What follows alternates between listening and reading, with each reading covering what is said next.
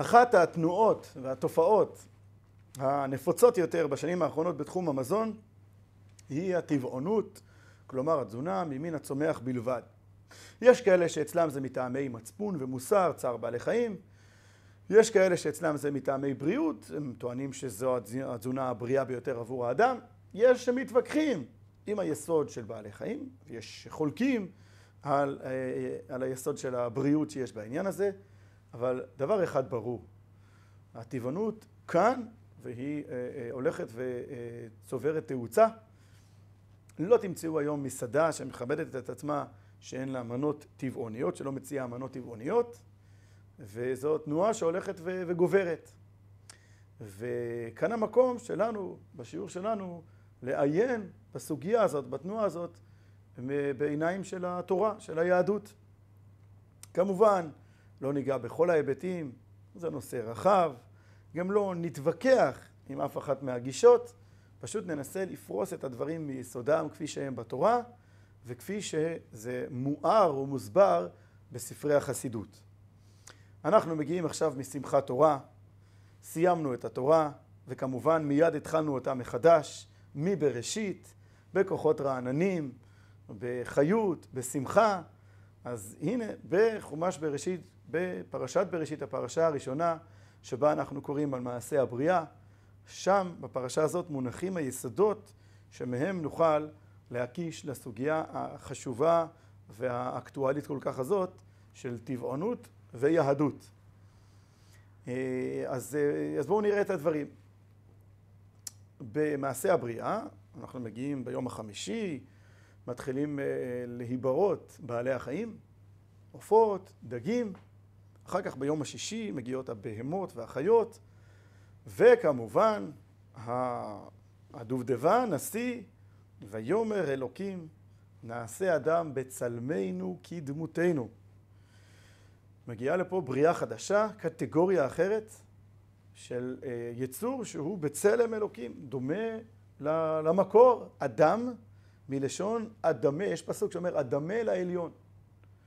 וכתוצאה מכך, ממשיך הפסוק ואומר, וירדו בדגת הים ובעוף השמיים ובכל החיה אשר על פני הארץ, ואחר כך גם כשהוא בורא אותם, הוא מברך אותם, ויברך אלוקים אותם, ויאמר להם פרו ורבו ומילאו את הארץ וכבשוה ורדו בדגת הים ובעוף השמיים ובכל חיה ובכל הרמס הרומס על הארץ.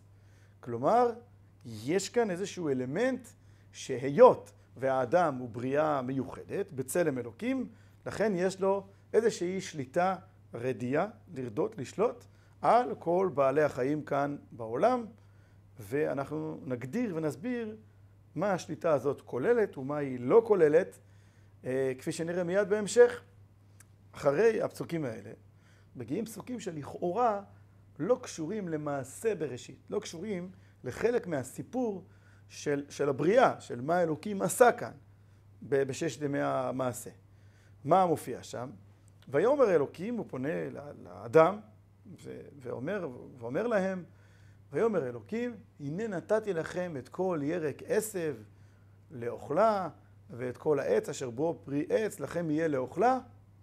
ובפסוק הבא, ולכל חיית הארץ, ולכל הרמס הרומס על הארץ, אה, אה, נתתי את כל עשב, ולכם יהיה לאוכלה ויהי כן.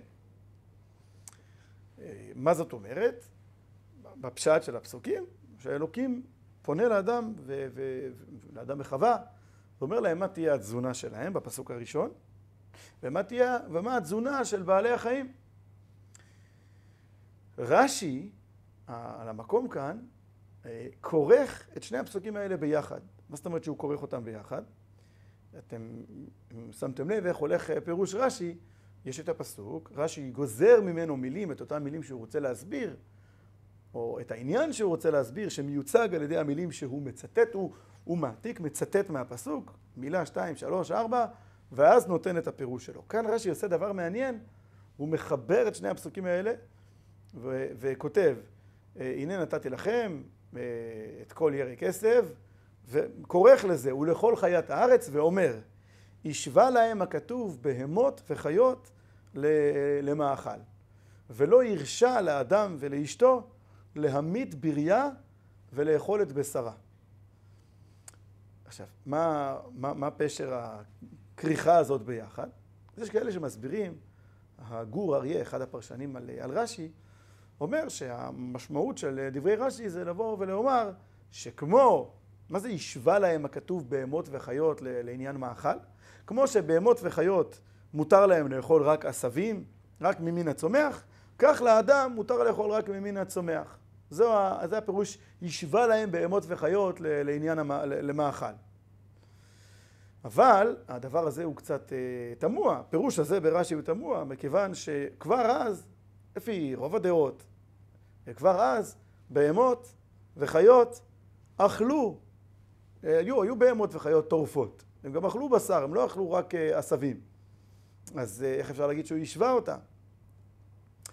וגם את זה שלאדם מותר לאכול רק בשלב הזה, רק ממין הצומח, זה התוכן של הפסוק, לא צריך לכרוך את שני הפסוקים ביחד ולהגיד שמהסמיכות אנחנו רואים שכמו שבעלי החיים אוכלים רק ממין הצומח, כך גם האדם. זה מה שכתוב פה בפסוק. הנה נתתי לכם את כל ירק עשב ואת כל העץ אשר בו פרי העץ, לכם יהיה לאוכלה. זה הכל. אלא מסתבר שרש"י בא כאן להניח יסוד אחר וכללי הרבה הרבה יותר שנוגע לסוגיה שלנו.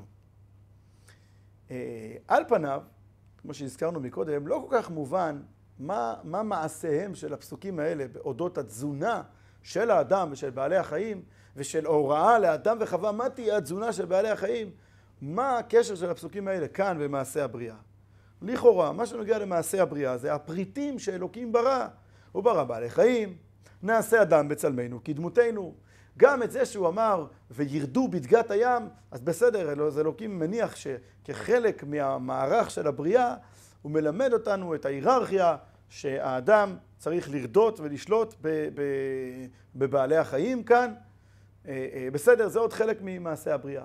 אבל מה נוגע כאן, זה מה שמפריע לרש"י, מה נוגע כאן פתאום לומר להם מה התזונה שלהם, ועוד יותר מה התזונה של הבעלי חיים. מה, מה, מה זה עכשיו העניין של האדם וחווה שהוא מדבר אליהם ואומר להם מה התזונה של הבעלי חיים. ומכאן רש"י אה, לומד ומסיק, וזה המשמעות שהוא כורך את שני הפסוקים, הוא מניח כאן יסוד מאוד מאוד משמעותי, שהוא מפתח חשוב לסוגיה שלנו לגבי הטבעונות, לגבי מעמד האדם בבריאה, ולגבי אה, האם לאכול בעלי חיים זה דבר מוסרי, לא מוסרי. אומר רש"י שהתורה באה כאן לתת דגש מאזן. עד עכשיו, ולכן זה, זה המשך ישיר ל, ל, ל, למה שהיה קודם. כשהתורה מספרת לנו שהקדוש ברוך הוא ברא את האדם, והיא אומרת שלכתחילה המטרה היא וירדו בדגת הים. עוד לפני זה כתוב, נעשה אדם בצלמנו כדמותנו. אז מתפתח כאן הרושם שבאמת האדם הוא אדון, אדון הארץ. הוא אדון הארץ, הוא נעשה בצלם אלוקים, הוא הולך לרדות בכל דגת הים והחיה והרומס על הארץ. אז לכאורה, כשנגזרת מזה, ברור שהוא אה, יכול גם להרוג אותם, לאכול אותם. הוא הבעל הבית. הוא נברא בצלם אלוקים, הורדו בדגת הים, ויברך אותם אלוקים, ויאמר להם, פרו ורבו מילאו את הארץ וכבשוה, הורדו בדגת הים ובכל החיה. אז אה, ברור לכאורה שהוא יכול גם להמית אותם ולאכול אותם. אומרת כאן התורה, זה מה, ש... זה מה שמחדש רש"י, לא, ממש לא. אתה באמת האדם, אתה נעשית בצלם אלוקים, אבל זה לא קשור לתזונה. לעניין התזונה, השווה להם הכתוב בהמות וחיות למאכל. מה, מה, מה, מה המשמעות? בהמות וחיות יכול להיות שיכולות גם, גם בשר. בשלב הזה האדם אוכל פחות מהבעלי חיים. יש בעלי חיים טורפים, האדם, הקדוש ברוך הוא אומר לו כעת יכול לאכול רק ממין הצומח. אבל מה הוא מדגיש? השווה להם הכתוב בהמות וחיות למאכל, יגיד לו, העובדה שאני שמתי אותך, בראתי אותך בצלם אלוקים, ושמתי אותך לרדות בדגת הים ובכל החיה, לא רלוונטית לעניין המאכל. לגבי המאכל, אתה שווה לבעלי החיים. אתה ניזון מאוכל כמו שהם ניזונים מאוכל. לגבי הקיום הפיזי שלך, שדורש אכילה, אתה כמו שאר בעלי חיים, כמו שאר הנבראים. השווה להם הכתוב בהמות וחיות למאכל. באמת בנושא הזה של אכילה, זה לא מותר האדם על הבהמה. אתה בעניין הזה נברא ככל הברואים, ובשלב הזה, מה אני מתיר לך לאכול, גם זה היתר מיוחד של הבורא. מה אני מתיר לך לאכול? ירק עשב ו- ופרי עץ אשר על העץ, זה מה שלכם יהיה לאוכלה, זה מה שאני מתיר לך בשלב הזה. כלומר, כדי לאזן, כדי שהאדם לא יחשוב שמכיוון שנעשה אדם בצלמנו כדמותנו הורדו בדגת הים, יש, יש אחריות מסוימת לאדם ו- ורדייה ושליטה שצריכה להיות לו על בעלי החיים, אבל היא לא קשורה לעניין של תזונה. השווה להם הכתוב בהמות וחיות למאכל. בעניין המאכל, אתה כמוהם, שלא, יז... שלא תזוח דעתך, שלא תחשוב שמכיוון שנבראת בצלם אלוקים אתה יכול לעשות איתם מה שאתה רוצה, לכן אומר רש"י, ולא הרשה לאדם ולאשתו להמית בריה ולאכול את בשרה. שאגב, מזה משמע, שלפי רש"י כאן, נגיד שאדם וחווה הלכו ברחוב וראו בהמה או חיה שהיא מתה, מתה מאליה, נטרפה, אה, אה, חלתה ומתה. לגבי זה, אלוקים לא אסר להם אכילת בשר. הוא לא אסר להם אכילת בשר. הוא אסר להם, הוא, הוא, הוא החריג, הוא הגדיר שהרדייה שלהם בבעלי החיים לא קשורה לעניין התזונה. לא הרשה לאדם ולאשתו להעמיד בריה ולאכול את בשרה. אבל אם בריה מתה מעליה, באיזושהי צורה, אין איסור עקרוני לאדם לאכול את בשרה כל עוד האכילה הזאת היא לא ביטוי לשליטה שלו אה, עליה. וזה מה שרש"י מתכוון בזה שהוא כורך את שני הפסוקים והמילים של רש"י השווה בהמות וחיות, השווה להם בהמות וחיות למאכל, לא להגיד שהשווה מה שהבהמות והחיות יכולות לאכול זה גם מה שאדם יכול לאכול. כי בשלב הזה האדם מותר לו לאכול פחות ממה שמותר לבהמות והחיות שלהם. אה, אה, חלק מהן אה, אכלו בשר גם אז. אלא לומר שלגבי נושא התזונה, האדם הוא שווה ערך לשאר הנבראים, אין לו יתרון. אותו יתרון ש, שמדובר עליו, נעשה אדם מצלמנו כדמותנו, לא נוגע ולא משליך לגבי נושא התזונה. בעניין התזונה, השווה להם הכתוב בהמות וחיות למאכל. אחר כך ממשיך רש"י ואומר שבימי בני נוח התיר להם, אה, התיר להם לאכול בשר. ומביא את הפסוק, אה, אה, כל החי לכם, לכם יהיה לאוכלה, כמו שהתרתי לאדם לאכול את כל ירק עשב, כך לכם יהיה לאוכלה. כלומר, בשלב מסוים, כאשר אנחנו מגיעים אחרי המבול, הקדוש ברוך הוא אומר לבני נוח, מעתה והלאה, מותר לכם לאכול גם בעלי חיים, גם בשר. כמו שהתרתי לאדם לאכול ירק כסף. מה הדגש הזה? כמו שהתרתי לאדם לאכול ירק כסף. שוב, אותו עניין, רש"י ממשיך בקו שלו.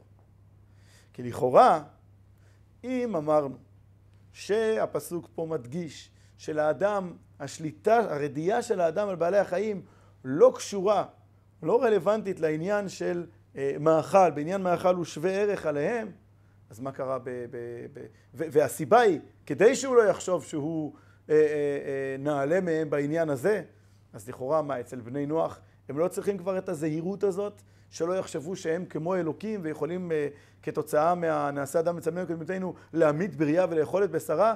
הדגש הזה, הזהירות הזאת, היא לא, לא נדרשת לגבי בני נוח, אלא באמת לא השתנה שום דבר. גם בשלב הזה שאלוקים מתיר לבני נוח לאכול בשר, זה לא כתוצאה מההיררכיה. זה לא אומר שמכיוון שהאדם בצלמנו כדמותנו, הורדו בדגת הים, לכן הוא יכול לעשות מה שרוצה איתם, יכול להרוג את הבהמות והחיות ולאכול אותם. לא!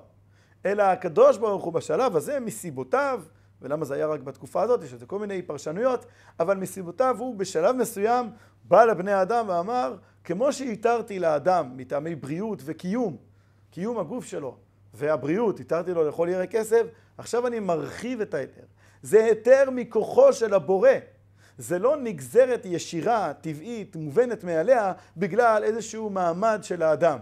המעמד של האדם, הורדו בדגת הים, שוב, לא השתנה. הוא לא חל ולא קשור לנושא של התזונה.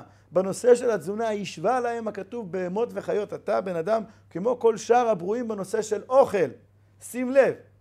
ומי שיקבע מה מותר לך לאכול ומה אסור לך לאכול, זה בורא העולם, שבשלב מסוים התיר לך לאכול רק ירק עשב, ובשלב מסוים, מאותו, מאותה סיבה שהוא התיר לאדם לאכול ירק עשב. לכאורה, למה, למה הוא התיר לאדם לגדוע את החיים של הצומח? הוא הבורא, הוא אה, אה, מגדיר מה מוסרי, מה נכון, מה ראוי, התיר לאדם, התיר לו להשתמש בצומח לצורך הקיום והבריאות שלו.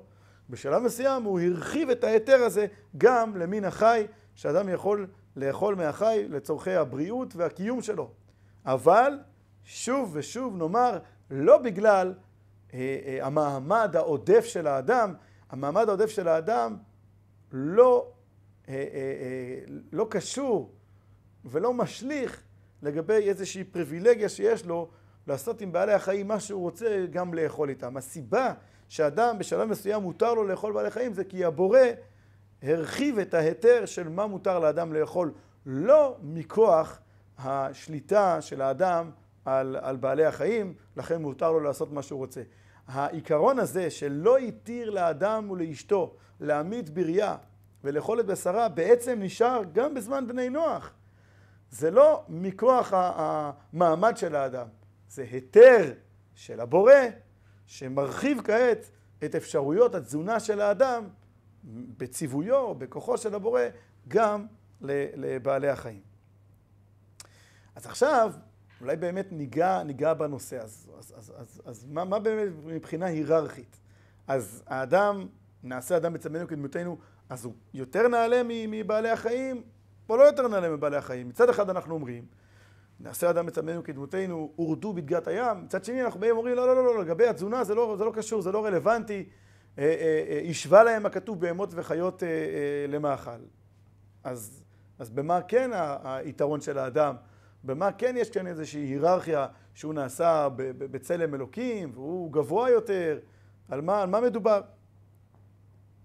אז כדי להבין את זה, אנחנו צריכים רגע אחד לעסוק בשאלה המעניינת, הידועה, או לא בשאלה, בסוגיה הזאת של בריאת האדם אחרון לכל, ה, לכל הברואים, שאדם הגיע לכאן אחרון. שהדבר הזה הוא דואלי, הגמרא בסנהדרין אומרת, מצד אחד, האדם הוא, זה, זה מבטא את זה שהאדם הוא נזר הבריאה, ולכן הוא צריך להגיע לכאן כשהכל כבר מוכן לפניו, כשולחן הערוך הוא מוכן אה, אה, לאכול. מצד שני, כתוב, אחור וקדם צרתני. האדם הוא, הוא אחרון במעשה הבריאה, ויש לזה שתי, שתי פנים. מצד אחד, כמו שאמרנו, זה מצד המעלה של האדם, הדמה לעליון, נזר הבריאה. מצד שני, לומר לאדם שאם הוא בא לכאן ומתנהג לא כמו שצריך, חוטא, מרע את מעשיו, אז אומרים לו אפילו יתוש כדמך, אפילו יתוש היה כאן לפניך. ואז האדם מלשון אדמה, כאילו הכי, הכי בתחתית של התחתית. יש כאן דואליות באדם הזה, שנעשה אדם מצמנו כדמותנו, אנחנו רואים דואליות מובנית ביצירה שלו, ובזה שהוא נוצר אחרון, זה בא לתת שני דגשים. מצד אחד מעלה גדולה, אדם אדמה לעליון, ומצד שני אדם מלשון אדמה. מצד אחד נזר הבריאה, מצד שני אפילו יתוש קדם אותך. מה המשמעות של זה? מסביר בעל התניא, האדמו"ר הזקן, בפרק כ"ט, וגם בפרק כ"ד בתניא, הוא מסביר שאצל האדם יש תכונה אה, אה, בסיסית שהתחילה מחטא עץ הדעת, שלא קיימת אצל אף נברא, אצל אף נוצר, תכונה לא חיובית, תכונה שלילית, שקיימת רק אצל האדם, ובגינה הוא אחרון. הוא אחור למעשה בראשית, הוא אחרון והנחות מכל הברואים. מהי התכונה הזאת? התכונה הזאת היא היכולת לחטוא. באמת זו תכונה שמתחילה מחטא עץ הדת. אבל מה המשמעות שלה?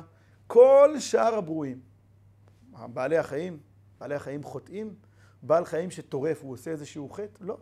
כך אלוקים ברא אותו, שאלה האינסטינקטים שלו, אין לו בחירה בכלל. אבל נעשה אדם בצלמנו כדמותנו, לאדם יש בחירה. ומה האדם בחר די מהר אחרי שהוא הגיע לכאן, הוא בחר לחטוא. מה היה החטא הקדמון? מה זה חטא עץ הדעת? מה המהות שלו? דיברנו על זה כמה פעמים בעבר, חטא עץ הדת, אפשר לומר שזה חטא המודעות העצמית, חטא האגו, חטא תחושת האינדיבידואליות, תחושת העצמיות, תחושת הנפרדות מהמקור. תחשבו על זה, בעצם כל שאר הברואים הם לא נפרדים מאלוקים, הם עושים בדיוק את מה שהוא אומר להם. לא רק שהם לא עוברים על הציווי שלו, הם אפילו לא יכולים לחשוב לעבור על הציווי שלו. אין להם תאווה כזאת, אין להם בחירה בכלל בין טוב לרע, אין להם פונקציה כזאת של להרהר, אולי אני אעבור על רצון השם? זה לא רלוונטי. כל מה שהם עושים זה רצון השם. הם בהרמוניה מלאה עם כוונת המשורר, עם הבורא, עם שירת הבריאה, בהרמוניה מופלאה. פלאי העולם הרבו מעשיך השם, כל היצורים, ובתוכם בעלי החיים, הם מתפקדים בהרמוניה מושלמת עם הכוונה האלוקית. היצור היחיד בעלי אדמות שיכולה להיות אצלו, אני לא מדבר אפילו על חטא בפועל, אבל אפילו לפני כן, מחשבה, תאווה, רצון, אנרגיה, תנועת נפש של הפוך מכוונת המשורר, של היפרדות מההרמוניה המוחלטת של הבריאה, זה רק האדם. ועל זה אומרים לו, אפילו יתוש קדמך. אפילו יתוש היה כאן לפניך. מסביר אדמו"ר הזקן בתניא, מה המשמעות של יתוש? אז כתוב שיתוש הוא יצור כזה שהוא מכניס ואינו מוציא. בפשט זה שהוא מוצץ דם ו- ו- ואין לו הפרשות. המשמעות הסימבולית של מכניס ואינו מוציא זה כאילו אה, אה, איזשהו יצור אגואיסטי. לוקח לעצמו ולא תורם שום דבר לסביבה. כאילו היתוש כאן הוא סימבול של אגואיזם, של לעשות רק לעצמי. אז אם האדם חוטא, אם האדם מקיים את התכלית שלו, אז הוא נזר הבריאה, אדם הדמה לעליון, תכף נדבר על זה. אבל אם האדם חוטא, אם האדם עובר על רצון השם, ובעצם היכולת שלו לעבור על רצון השם, מזכירים לו יתוש קדמך.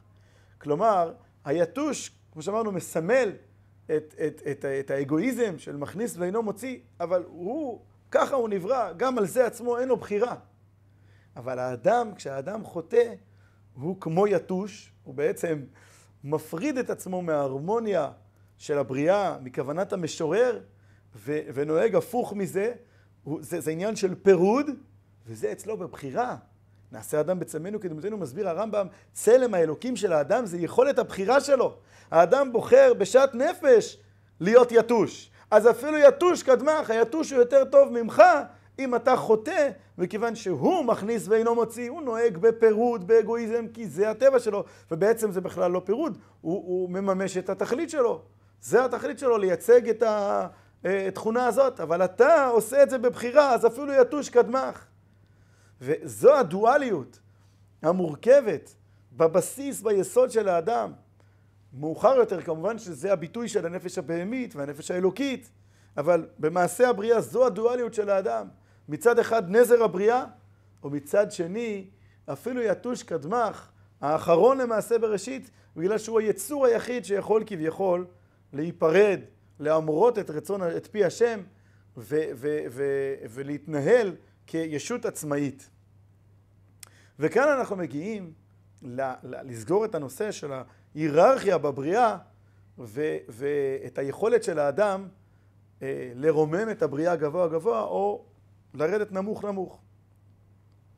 רש"י אומר על וירדו בדגת הים, שירדו זה גם מלשון רדייה וגם מלשון ירידה. והוא אומר את המילים כך, זכה, אז הוא רודה בכל הבריאה. לא זכה, אז אפילו חיה מושלת בו, הוא נמוך וגרוע מה, מהחיות. מה המשמעות הפרקטית של זה? לאדם יש יכולת נפלאה שהקדוש ברוך הוא נתן לו לבחור. היכולת הזאת היא חרב פיפיות. מצד אחד, כמו שאמרנו, אפשר לבחור לחתור, ואז מביאים לידי ביטוי את, ה, את הנחיתות של האדם ביחס לכל שאר היצורים בעולם. מצד שני אבל, אם האדם הזה בעל הפוטנציאל לחטא, עושה הפוך מזה, ולא חוטא, אלא מממש את רצון השם, אז הוא פועל חידוש עצום בבריאה, אדם מלשון הדמה לעליון, עד כדי כך שאנחנו רואים שהוא שותף לקדוש ברוך הוא במעשה בראשית. מה זאת אומרת? מה, מה המשמעות של זה? הייתה פעם קבוצת סטודנטים שבאו לבקר אצל הרבי מלובביץ', זה היה אה, אה, אה, נוהג כזה, היו מגיעות קבוצות, הייתה להם את האפשרות לשאול את הרבי שאלות מהותיות על החיים, על אמונה, ובאחת ההזדמנויות, אחת, מה, אחת מהקבוצות שאלו את הרבי, האם הרבי מאמין בניסים, האם ניסים מתקיימים בימינו? אז הרבי אמר להם, כן, בוודאי, כל אחד מכם יכול, יכול להיות מחולל ניסים. מה, מה זאת אומרת? הוא הסביר להם, נס זה מעל הטבע, זה שידוד מערכות הטבע. לאדם יש טבע, טבע מסוים, מידות טבעיות שאיתם הוא מגיע לעולם. אבל יש לו יכולת להתגבר על הטבע שלו, לעשות בניגוד לטבע שלו ולהתעלות. וזה, אמר להם הרבי, נס. והוא היה אה, כל כך מעשי, תמיד הרבי היה מעשי, ואמר להם שהוא מציע להם עכשיו, בשידור חי, בפגישה הזאת, לעשות נס ולקבל לעצמם החלטות כאלה של התנהגות בהתאם לערכים, גם כשזה מנוגד לטבע שלהם, ובכך לחולל נס. אז כשהאדם בוחר בטוב ומממש את הפוטנציאל האלוקי שלו, שנעשה אדם בצלמנו, כדמותנו, מה זאת אומרת שהוא בצלם אלוקים? כמו שאלוקים ברא יש מאין, ברא את העולם. יכולת הבריאה היא יכולת שהיא רק בחק הבורא, רק הוא יכול לחדש יש מאין. סתם ככה, בכל המציאות של העולם אנחנו יכולים רק לשנות את הצורות של היש, אבל לא לעשות יש מאין. אומרים שהאדם, על ידי הבחירה הטובה שלו, בבחירתו החופשית, כאשר הוא בוחר להתנהל ו- ו- ולהתעלות מעל הטבע שלו, מעל הטבע שלו, שזה הפוטנציאל לחטוא ולא לחטוא, לעשות את רצון השם, אז הוא נעשה שותף לקדוש ברוך הוא במעשה בראשית. וזה מה שאומר רש"י, זכה, אז הוא, הוא, הוא רודה ב, ב, ב, בכל, בכל היצורים החיים. מה זאת אומרת רודה? הוא מעלה אותם למעלה למעלה גבוה. לא זכה, אפילו חיה מושלת ושולטת בו. כי אם האדם מתעלה מעל הטבע שלו, אז כאשר הוא אוכל משהו, אז הוא מעלה את ניצוצות הקדושה שבמאכל למעלה למעלה גבוה. מה זאת אומרת? כתוב, כי לא על הלחם לבדו יחיה האדם, כי על כל מוצא פי השם יחיה האדם. שואל האדמו"ר הזקן, בעל התניא בספרו ליקוטי תורה, למה האדם צריך את, את מוצא פי השם, את דבר השם שיש בלחם? גם באדם יש מוצא פי השם. הוא מסביר שמוצא פי השם שיש בלחם, או בכל מאכל גשמי, הוא מוצא פי השם בדרגה מאוד מאוד גבוהה, יותר גבוהה מהמוצא פי השם שיש באדם. ולכן האדם זקוק בתזונה שלו למין החי, למין הצומח, למה שנמוך ממנו. אבל כאשר האדם אוכל באופן הראוי לשם שמיים, בהקשר של מצווה, מתוך עדינות, וכאשר אדם מתעלם מעל הטבע שלו, לא אוכל לשם תאווה, אלא אוכל מתוך זיכוך, מתוך עידון, אז הוא גואל ו- ומוציא לחירות את ניצוצות הקדושה הגבוהים מאוד שנפלו לגשמיות. יש כזה תהליך שנקרא שבירת הכלים, נדבר על זה בהזדמנות אחרת, שבו ניצוצות קדושה הגבוהים נפלו למטה למטה לגשמיות, כאשר האדם אוכל באופן ראוי, אז הוא מעלה את הניצוצות האלה למעלה למעלה גבוה. ולכן אומרים חז"ל שעם הארץ אסור לאכול בשר, אסור לו לאכול בשר. מה זה עם הארץ? הכוונה אדם ארצי, אדם חומרי, שאין לו את האלמנט הזה של ההתעלות, של ההזדככות, של העידון, כאשר הוא אוכל, אז חיה שולטת בו, הוא, הוא נעשה נמוך, ולא רק שהוא לא מעלה את ניצוצות הקדושה שבמאכל למעלה למעלה גבוה, אלא הוא מוריד את זה עוד יותר נמוך, כי הוא אוכל את זה לשם תאווה. לכן גם כתוב שאסור לאכול לפני התפילה, הכוונה אכילת קבע, לא טעימה מסוימת שוודאי נדרשת לפני התפילה כדי להתפלל מתוך ריכוז ורעננות, אבל אכילה, ארוחת בוקר, לא אוכלים לפני התפילה. מה המשמעות של זה? שלפני שהאדם מתפלל, לפני שהוא יתחבר לנשמה שלו, למקור, לפני שהוא יזדכך, אז הוא, הוא בעצמו חומרי מאוד. ואם הוא יאכל עכשיו, אז לא רק שהוא לא יעלה את האוכל למעלה, אלא הוא ירד ויוריד אותו למטה-מטה. ולכן, זה המסר כאן של התורה לגבי התזונה האנושית, לגבי ההיררכיה של, של האדם לעומת בעלי החיים. אם האדם מגיע בגישה, אני אדון הארץ, כוחי ועוצם ידי עשה לי את החיל הזה, הוא מגיע מתוך השליטה שלו, אז זה אוי ואבוי, אין לו, אין לו רשות לאכול לא רק בשר, אפילו לא לחם. כמו שאמרנו, אסור לאכול לפני התפילה. מי אתה, אדם, שתאכל את העשבים האלה אפילו, אם אתה מגיע בכוחך. אבל אם אתה מגיע מכוחו של בורא העולם, ש, שיצר כאן את הסדר ואת שרשרת המזון, ואתה אה, אה, מחולל בעצמך נס, אתה שותף לקדוש ברוך הוא במעשה בראשית, אתה מתעלה מעל הטבע שלך. אתה לא אה, אה, אה, פועל מתוך אדם מלשון אדמה, אלא מתוך אדם מלשון אדמה לעליון. אם אתה פועל מכוחו של הקדוש ברוך הוא, אז הורדו בדגת הים ובעוף השמיים ובנפש החיה ובכל הרמס הרומס על הארץ. כי אז האדם כזה שעושה נס, שהוא שותף לקדוש ברוך הוא במעשה בראשית, שמתוך זה שהוא היצור היחיד בעולם שיכול לחטוא, אז לא רק שהוא לא חוטא, אלא הוא מתעלה ו- ומשתווה לקדוש ברוך הוא, שותף לקדוש ברוך הוא במעשה בראשית, כי הוא הופך את הטבע שלו לקדושה, מתעלה מעל הטבע שלו. אדם כזה, כאשר הוא לוקח דבר מאכל ואוכל אותו, גם אם זה מן הצומח וגם אם זה מהחי, הוא עושה עם, ה- עם הדבר הזה חסד גדול, הוא מעלה אותו במדרגה, כן, ממש כך. מעלה אותו במדרגה, ממדרגת צומח למדרגת חי, למדרגת מדבר, למדרגת הבורא. וזה דבר ראוי וחשוב מאוד. זה המשמעות של קורבנות בבית המקדש, זה המשמעות של אכילת בסעודה, אכילה בסעודת מצווה, זה המשמעות של לענג שבת ויום טוב בבשר ויין, זה המשמעות. אבל ברמה הפרקטית, כמובן שהקריאה פה אלינו היא קריאה מאוד מאוד אה, אה, אה, אה, תובענית ומרחיקת לכת. אה, ניתן לומר ש, שלפני כל חתיכת בשר שאנחנו מכניסים לפה, התורה אומרת לנו לעצור שנייה ולחשוב, האם אני כרגע במדרגה שאני מעלה את הבשר, האם אני כרגע במדרגה של אדם אדמה לעליון, או שאני כרגע במוד של אדמה, ואז עם הארץ אסור לו לאכול בשר, ואולי אפילו לא צומח, כי, כי מה היתרון שלך לגביו? זה כמו שכתוב שלעתיד לבוא, אז אפילו האבן שאנחנו נדרוך עליה, תצעק עלינו, למה אתה דורך עליי אם אתה לא חושב באותו זמן דבר תורה? כלומר, אם אתה מממש את הפוטנציאל שהקדוש ברוך הוא נתן לך, אתה כאדם, נעשה אדם בצלמנו כדמותינו, ואתה מרומם את כל היקום, את כל הבריאה, שאפו, איזה יופי. אני רוצה להיות האבן שידרכו עליה ויגידו דברי תורה. אבל אם אתה מתנהג כמו אבן, אז למה פתאום, למה, למה אתה, למה האבן אתה אה, דורך עליי? ואדרבה, אם האדם לא מתנהג כמו אדמה לעליון, אז כמו שאמרנו, הוא נחות יותר מכל הברואים, בגלל פוטנציאל החטא שלו של לעשות הפוך מרצון השם. אז לסיכום, מבחינה אה, אה, היסטורית בתורה, אז בפרשת בראשית אנחנו רואים שהקדוש ברוך הוא מתיר לאדם לאכול רק ירק, ירק עשב ו, ופרי העץ.